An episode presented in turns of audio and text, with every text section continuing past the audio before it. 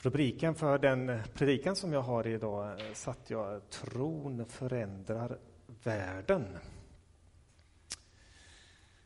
Så jag följer alltså inte kyrkoårets texter om någon var observant på det. Jag tror att det handlar mer om eh, Kristi förklaringsberg, någonting sådant. Skulle gå att relatera till det också, får se om jag gör det. Eh, men tron förändrar världen är en sak som jag har funderat kring en tid egentligen ända sedan i våras, att när jag fick eh, förfrågan om jag ville predika någon gång under sommaren, så tänkte jag att jag ska plocka upp det där som jag funderade på. Eh, och så blev det också. Det som var utgångspunkten för mina funderingar eh, var egentligen en oro, en bekymmer. Jag vet inte om ni, liksom jag, när man ser på nyheter och möts av en massa bilder av olika slag, eh, som ju handlar egentligen om, om en, en, väldigt besvärlig värld vi lever i. Alla dessa problem.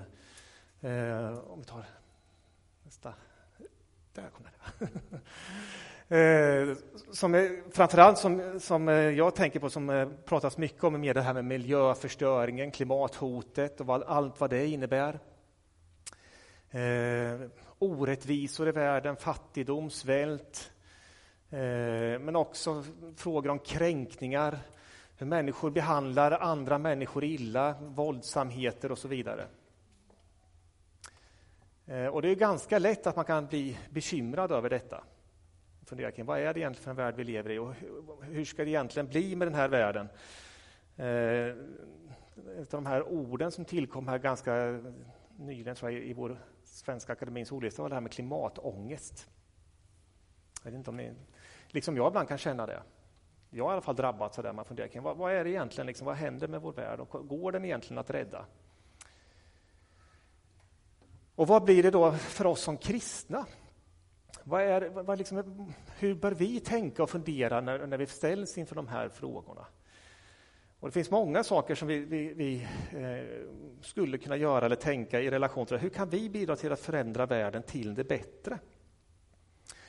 Eh, en utgångspunkt som eh, man kan ha, som man också tycker att man bör ha, det är utifrån eh, den här idén om förvaltarskap. Vi kan ju läsa i Bibelns inledning om hur Gud skapade världen och han gav den till människorna att förvalta. Att vara medskapare och förvaltare tillsammans med Gud och ta hand om den här skapelsen. Och utifrån det perspektivet så, så, blir ju vårt, en del i vårt ansvar på något sätt ändå försöka göra den här världen bättre för miljön. Då. Att försöka leva med en livsstil som eh, så lite som möjligt ändå belastar miljön. Det skulle också kunna uppmuntra oss att engagera oss på olika sätt i miljörörelser, i olika demonstrationer och allt vad det nu kan vara. Eller att eh, politiskt försöka påverka till en bättre värld. Det är ett, ett sätt att det skulle kunna komma till uttryck. Och så hade vi det här med de här sociala orättvisorna med, med fattigdom, eh, sjukdomar, svält och allt som det finns då runt om i världen. Eh, krig, som också gör att människor flyr. Så vi får människor som kommer till vårt land som bär det här med sig. Och ett sätt för oss är ju att utifrån Kristi, Kristi kärleksbudskap och också det som Jesus själv undervisar om att vi ska finnas där för de svaga och utsatta. Jesus själv hjälpte människor och han har gett oss uppgiften att finnas där. Eh, uttrycks väldigt tydligt när Jesus pratar om det här inför yttersta domen, om allt det ni gör för en av dessa minsta, det gör ni också för mig. Och det är två viktiga perspektiv. Jag vill understryka det. Förvaltarskapet tycker jag är en viktig sak som vi behöver fundera och ta ett ansvar var och en av oss, framförallt i hur vi lever våra egna liv. Vi har också var och en av oss ett ansvar, och som kyrka och församling, att på olika sätt försöka hjälpa människor runt omkring oss i vår närhet, men också ut över vår värld. Men, jag vill ha ett men, men vi får inte glömma det där andra. Jag vill bara understryka, det ska inte uppfattas som att jag på något sätt är motståndare till det här jag nu har sagt. Men jag vill understryka att det finns någonting som faktiskt är viktigare. Det är i alla fall vad jag har kommit fram i mina funderingar. Får se, ni får fundera om ni köper mina tankegångar här.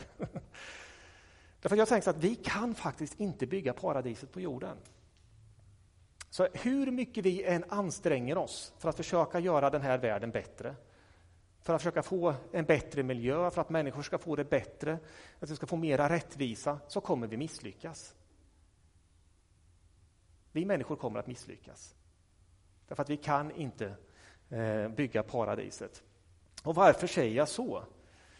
Jo, det har att göra med det som är mänsklighetens grundläggande problem. Synden och bortvändheten från Gud. Det som allt sedan eh, tidens begynnelse i paradiset när Adam och Eva begick den första synden finns nedlagt i mänskligheten och som gör att, att vi människor liksom kan inte helt bryta med synden. Inte i sig själv, finns ingen möjlighet. Alla har syndat och gått miste om härligheten från Gud, skriver Paulus i Romarbrevet. Synden får konsekvenser i världen och i människors liv. Så här skriver Paulus också i Romarbrevets första kapitel, verserna 24 till 31.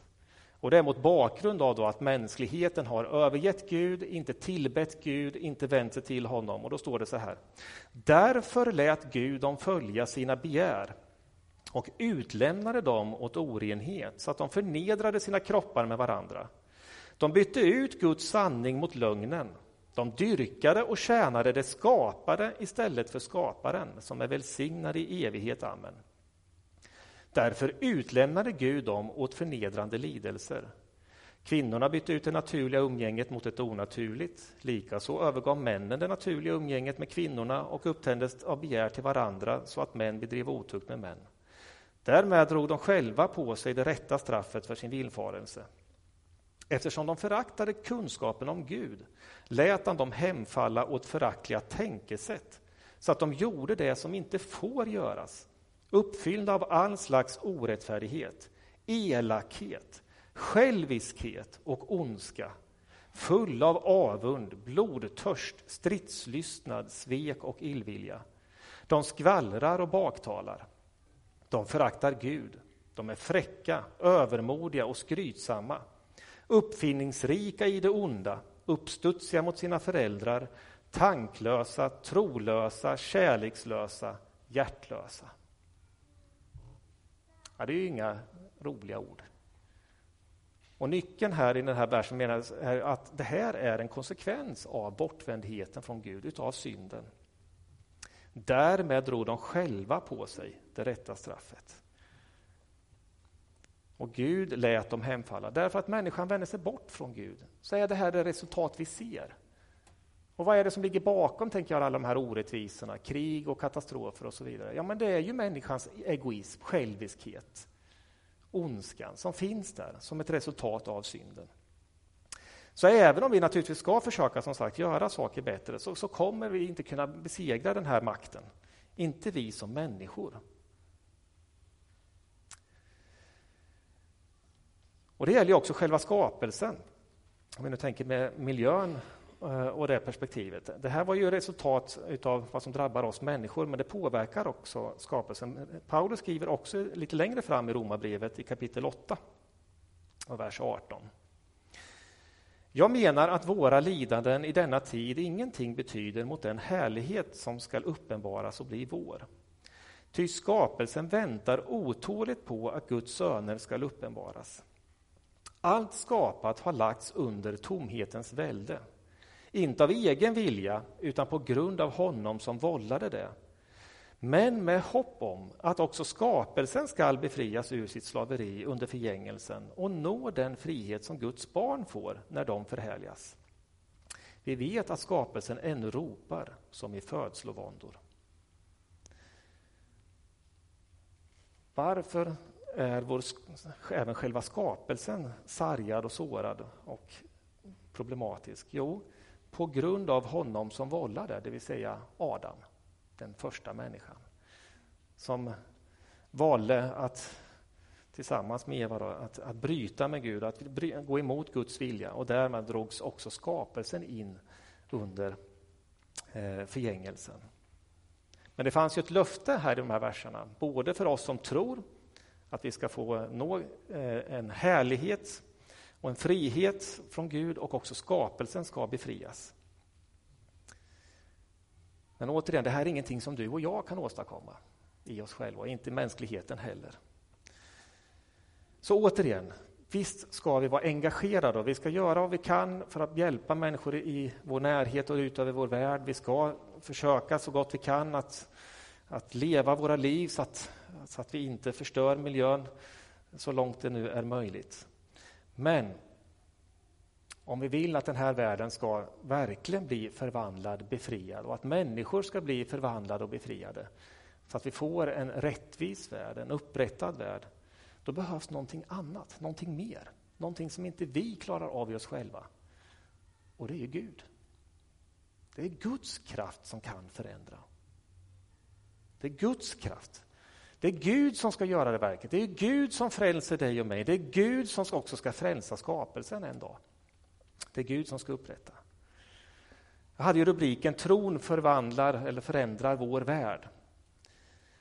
Och då tänker jag att den här förändringen sker på lite olika plan. Och den första som jag tänker som vi väl var och en av oss har erfarit, hoppas jag, jag tror också, det är att Gud förvandlar individer.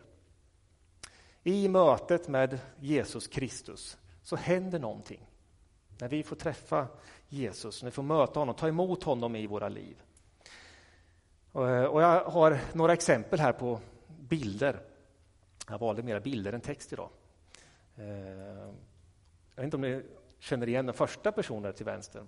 Det är en gammal bild. Det är ingen som vet om han såg ut så där. Det är nämligen Paulus. Eh, enligt någon bild någonstans. Men det är ganska uppenbart när vi läser i Bibeln om Paulus. Paulus som eh, man kan säga gick från att vara en förföljare till att bli en efterföljare. Eh, han trodde i och för sig att han tjänade Gud, men han gjorde det verkligen inte på det sätt som Gud hade tänkt. Eh, förföljde kyrkan. Han var beredd att bidra till att människor dödades för att de följde Kristus. Och så händer det där fantastiska med den här, på vägen till Damaskus där Paulus får ett personligt möte med den uppståndne Kristus. Och Paulus blir förvandlad, förändrad. Han blir en efterföljare och han blir en hängiven efterföljare som istället får vara med och vinna människor för Jesus. Och han eh, är ju med och, vinner och påverkar många andra människor och han får till slut, vad vi vet i alla fall i traditionen också, offra eller ge sitt eget liv för Kristus. Han är beredd att dö för Jesus. Den andra personen är ju lite mer nutida då. Vi vet inte hur många som känner igen honom. Eh, Sebastian Staxet figurerar lite ibland i, i medier och, och eh, så. Han eh, hade en ganska brokig bakgrund, har jag läst mig till. Jag känner ju inte honom personligen, men jag har läst lite om honom. Som redan under tidiga år började hamna snett i samhället. Gick inte så bra i skolan, började väl utebli en hel del och hamnade i sammanhang där det fanns droger och kriminalitet. Och där växte han upp och han, eh, hans liv präglades av det här med drogkriminalitet. Han blev också musiker ihop med ett gäng som kallade sig Kartellen. Eh, som lyckades ändå tjäna en del pengar och han tjänade vad jag förstår en hel del pengar också på drogerna för han sålde sådant. Men hamnade också i fängelse ibland. Eh, men hade ett ganska tufft liv och gjorde också många människor illa. Eh, han skrev, har skrivit en bok som för som heter Musiken, brotten och beroendet och den sammanfattar väl ganska tydligt hans liv. Eh, de här texterna för övrigt, som jag förstått som eh, hans band, och där han var en av de som skrev låtarna där, var, var, var inte speciellt positiva texter som är, ibland till och med uppmuntrar till, till dumheter. Eh, så. Men sen ändå, så småningom så, eh, kommer jag det var via någon släkting där som var pastor i Finland, så, så, så eh, fick han kontakt i alla fall med henne och, och eh, i bön och förbön så, så fick han möta Jesus. Eh, och då uttrycker han det så här. Allt jag jagat i alla år, kvinnor, droger, kriminalitet, vänner, respekt, tomrummet jag hela tiden försökt fylla med fel saker, var det bara tron som kunde fylla.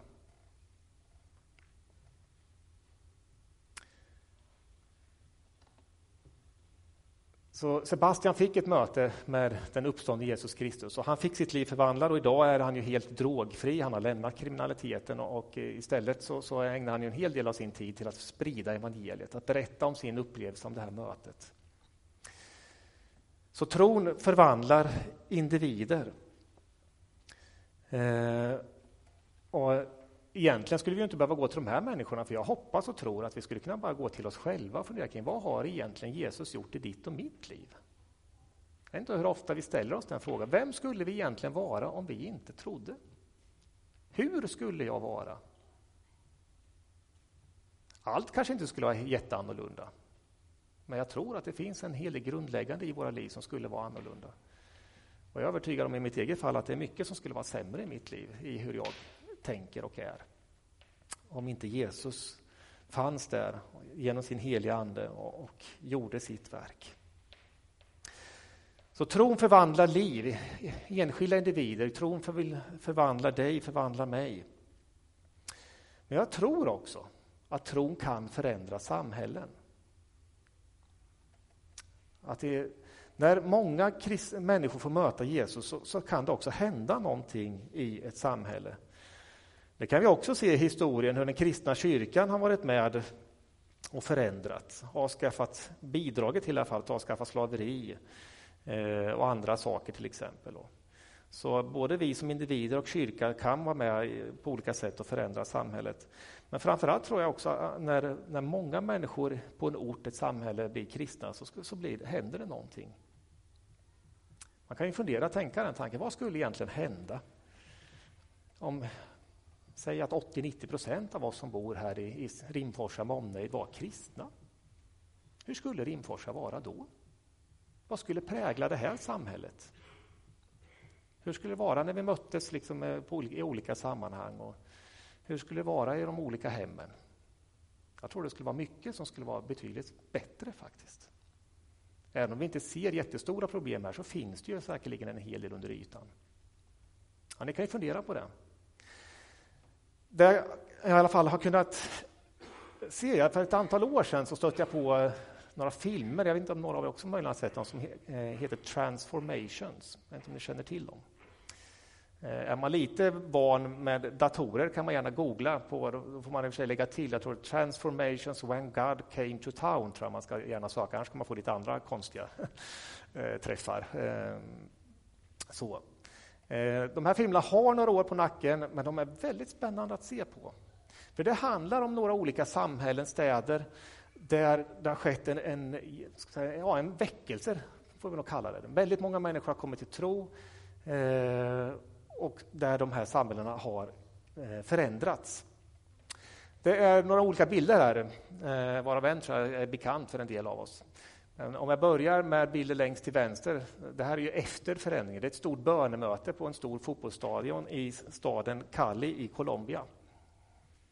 Eh, där de är någonstans runt 50-60 000 människor som är samlade där till bön. Så såg det inte ut från början i den här staden. Cali, liksom många andra städer i den här delen av världen, präglades av eh, kriminalitet, våldsamheter och eh, drogkarteller som, som eh, kämpade med varandra och också hade produktion av narkotika som man också sålde både där och, och exporterade vidare till resten av västvärlden. Så, så det var en fruktansvärd stad egentligen på många sätt och vis att leva och bo i. Men sen, för att göra en lång historia kort, så, så, så, skedde en förändring när de kyrkorna, staden, kom samman i bön och, för, och förenades i det och också satsade väldigt stort på att nå människor med evangeliet. Så kom väldigt många människor till tro. Och man kunde se väldigt tydligt i statistiken hur detta förändrade det här samhället. Där droghandeln gick tillbaka, kriminaliteten sjönk väldigt kraftigt. Eh, och de här drogkartellerna eh, mer eller mindre försvann från stan. Eller i vart fall var väldigt kraftigt försvagade. Eh, och det här var för att väldigt många människor kom till tro och istället vände sig till Gud och kom med i kyrkorna där. Ett annat exempel som, har en liknande historia, den andra bilden till, längst till höger, där, det är från Kenya, en stad som heter Kiambu. Där det också var en liknande situation, kanske inte så mycket med droger och karteller, men mycket våld. Eh, och den här staden hade, som berättas på den här filmen, i alla fall väldigt dåligt rykte, så den minskade egentligen befolkningen på grund av att det var ingen som ville flytta dit, för det var så hemskt att bo där. Det var så dåligt. Men även där så började kyrkan uppleva en enorm tillväxt. Eh, tror jag, om jag minns rätt, så var det någonstans just uppemot 80-90 procent alltså befolkningen som blev kristen. Eh, det fanns väldigt mycket barer i den där staden. Alla barer när den här filmen gjordes eh, hade stängts. Och alla barer utom en var kyrkor. De hade alltså omvandlats till kyrkor. Och det är en fantastisk eh, utveckling. Eh, där den här förändringen som, som orsakades av att människor kom till tro. De fick möta Jesus och fick sina liv förvandlade. Att lämna det här med kriminalitet, med våldsamhet, droger, beroende. Så har vi den här mannen i mitten som jag tror många av oss känner igen, Börje Ertman. Vad gör han här då? ja, men det, jag tror många av oss har lyssnat till honom när han har berättat eh, både om det som han gör genom Ankarstiftelsen med att bygga skolor, men också tänker jag på det här med fängelsemissionen. Eh, som han också har varit engagerad i fängelsemission i just Colombia. Och vi som församling hade ju eh, en tid, eh, stöttade ju det här eh, genom Ismael Lopez. Ja, vi som har varit med ett tag känner kanske igen det namnet. Och vad var det som var så fantastiskt med den som, jag, som berättades? Ja, men det var just det att när de här kom in på fängelserna, de här tungt kriminella som, som fanns där på de här eh, värsta fängelserna där man ofta eh, var verksam då i den här fängelsemissionen. Och många kom till tro och fick sina liv förvandlade.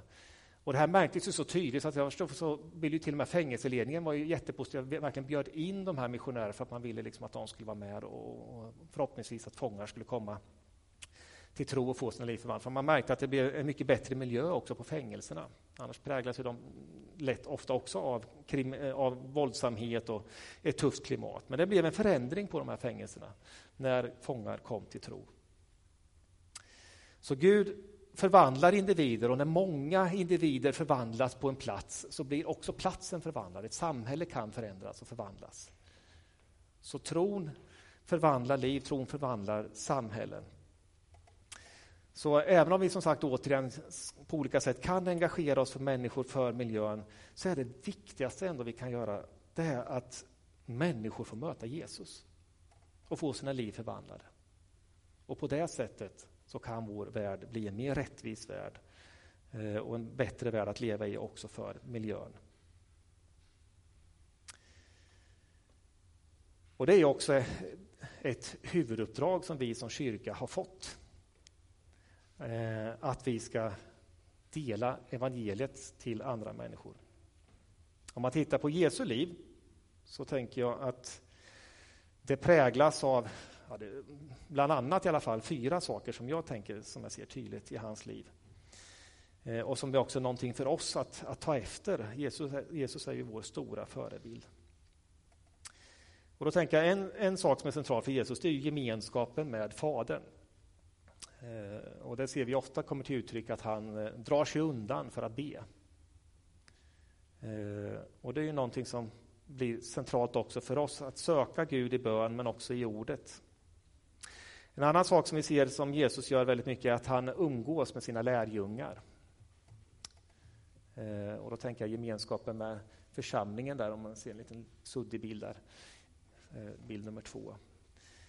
Att umgås med varandra för att också eh, möta Gud på det sättet.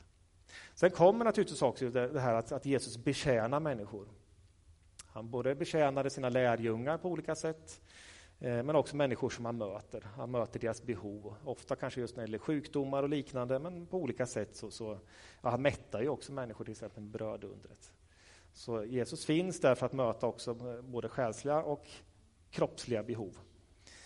Men det som kanske ändå mest präglar, tänker jag, Jesu gärning, det är ju hans förkunnelse. När vi läser när han börjar sitt uppdrag så är det att han förkunnar budskapet om riket. Han förkunnar riket för att människor ska komma till Gud, komma till Jesus för att få möta honom. Och när människor gör det, alltså när vi ser det i Bibeln, så händer ju någonting. När de får möta Jesus och hans kärlek, hans bemötande till dem, så, så förvandlas de. Inte alla. En del tar ju avstånd från Jesus. Och så är det även i vår tid. Det är inte alla människor som kommer att gilla och ta emot Jesus. Men för de som gör det så händer någonting. Ett tydligt exempel som jag spontant tänkte på var Sackaios den här tullmannen då, som hade ja, egentligen lurat och bedragit människor, roffat åt sig genom att ta extra tull för att stoppa i egen ficka. Och så får han det här mötet med Jesus. Och vad är det som händer efter bara denna enda måltid egentligen? Ja, det är att han utropar att han nu ska betala tillbaka. Upp till fyrdubbelt mot vad han har tagit ifrån andra. Och vad är det som gör detta? Ja, det är ju mötet med Jesus.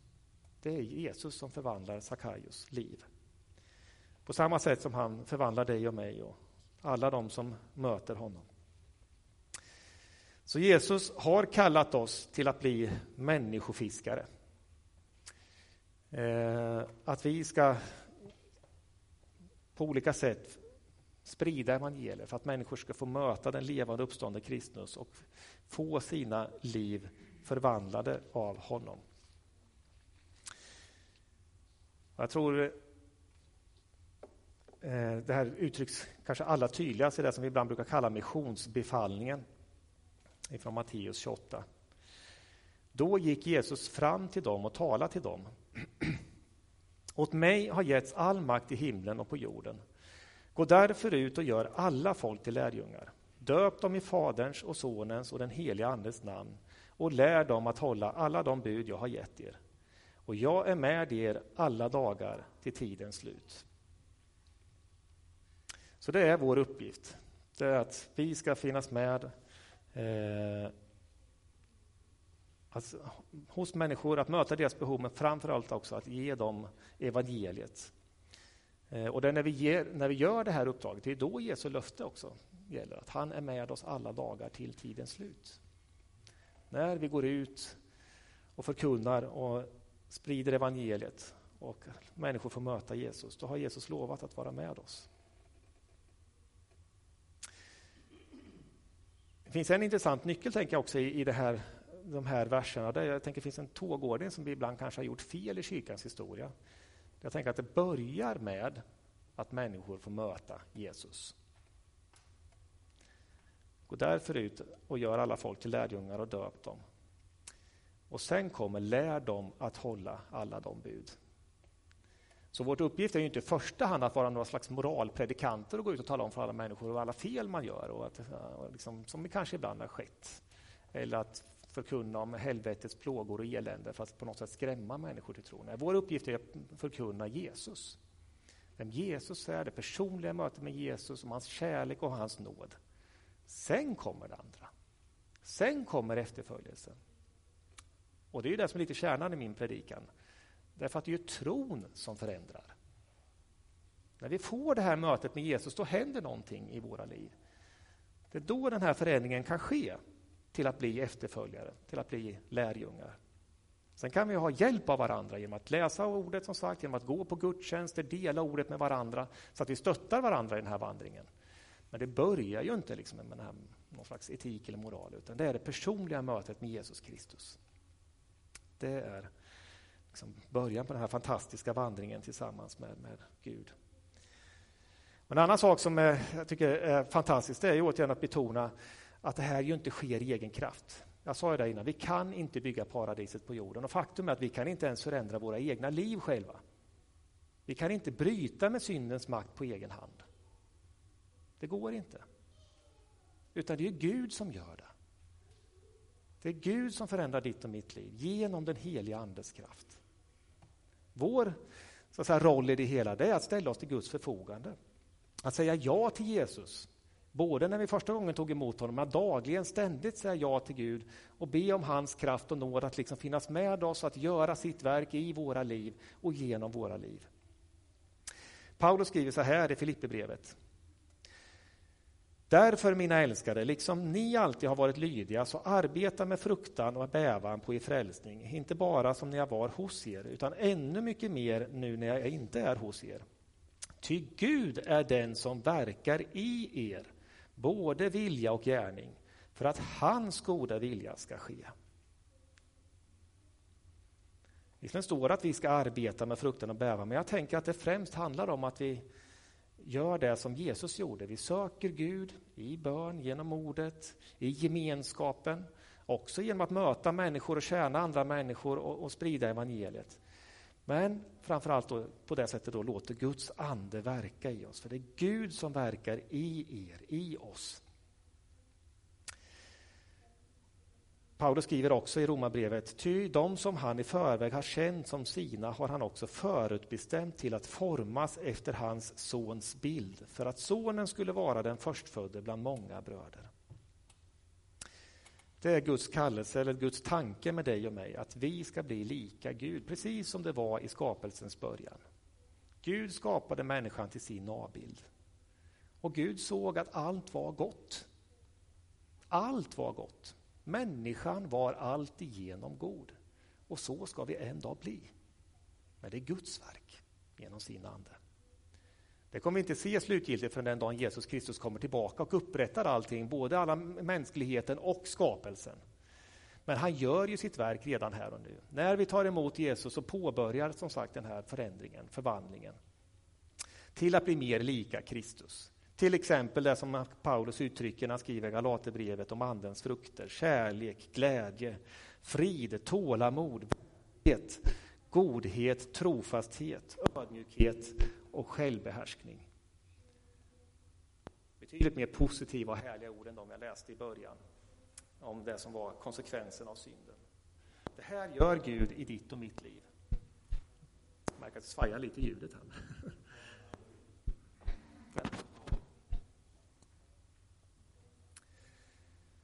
Ja, jag går egentligen ner för lite landning här. Men som sagt, Gud vill göra detta i dig och mig och jag är övertygad om också att Gud gör det. Och jag tycker mig själv se i mitt eget liv att, att jag säger inte att jag har alla de här egenskaperna, men jag har mer av dem än vad jag tror att jag skulle haft om jag inte trodde på Jesus. Det är jag övertygad om. Att Gud har gjort någonting i mitt liv och han gör någonting i ditt liv också. Jag vill avsluta med några ord ifrån Efesierbrevet om Guds kraft. Den kraft som Gud Eh, vill verka genom sin heliga Ande i dig och mig. Och då skriver Paulus så här i Efesierbrevet. Därför, när jag nu har hört om er tro på Herren Jesus och er kärlek till alla de heliga, kan jag inte sluta tacka Gud för er när jag nämner er i mina böner. Jag ber att vår Herre Jesu Kristi Gud, härlighetens far, ska ge er vishetens och uppenbarelsens ande så att ni får en rätt kunskap om honom. Jag ber att era hjärtans ögon ska få ljus så att ni förstår vilket hopp han har kallat er till, hur rikt och härligt hans arv är bland de heliga och hur oerhört stor hans makt är i oss som tror. Därför att hans väldiga kraft har varit verksam. Den kraften lät han verka i Kristus när han uppväckte honom från de döda och satte honom på sin högra sida i himlen, högt över alla härskare, makter, krafter och herradömen. Och alla namn som kan nämnas, inte bara i denna tidsålder utan också i den kommande. Allt lade han under hans fötter. Och honom som är huvud över allting gav han till församlingen som är hans kropp, fullheten av honom som uppfyller allt i alla hur oerhört stor hans makt är i oss som tror. Därför att hans väldiga kraft har varit verksam. Den kraften förvandlar liv. Den kraften förvandlar samhällen. Och den kraften är här idag. Den finns här.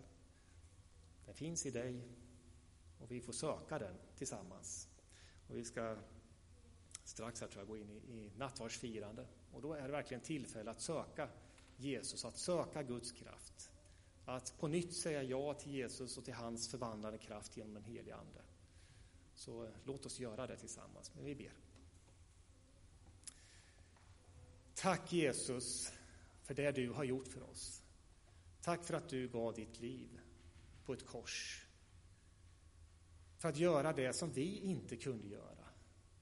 För att bryta syndens kraft för att bryta dödens kraft över mänskligheten, över skapelsen.